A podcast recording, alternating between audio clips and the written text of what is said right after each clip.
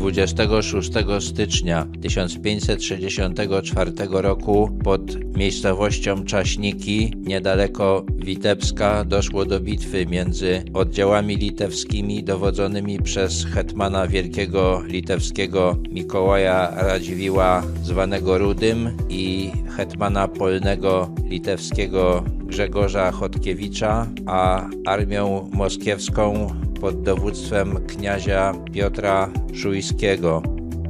Oddziały litewskie liczyły około 4000 żołnierzy, Moskali było ponad 30 tysięcy.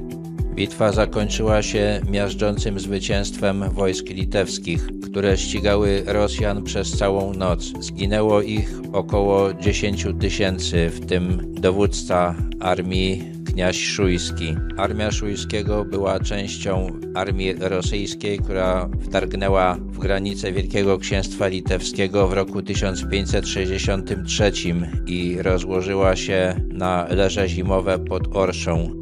Dowódcą tej całej armii był książę Siery Brannej i liczyła ona 80 tysięcy ludzi.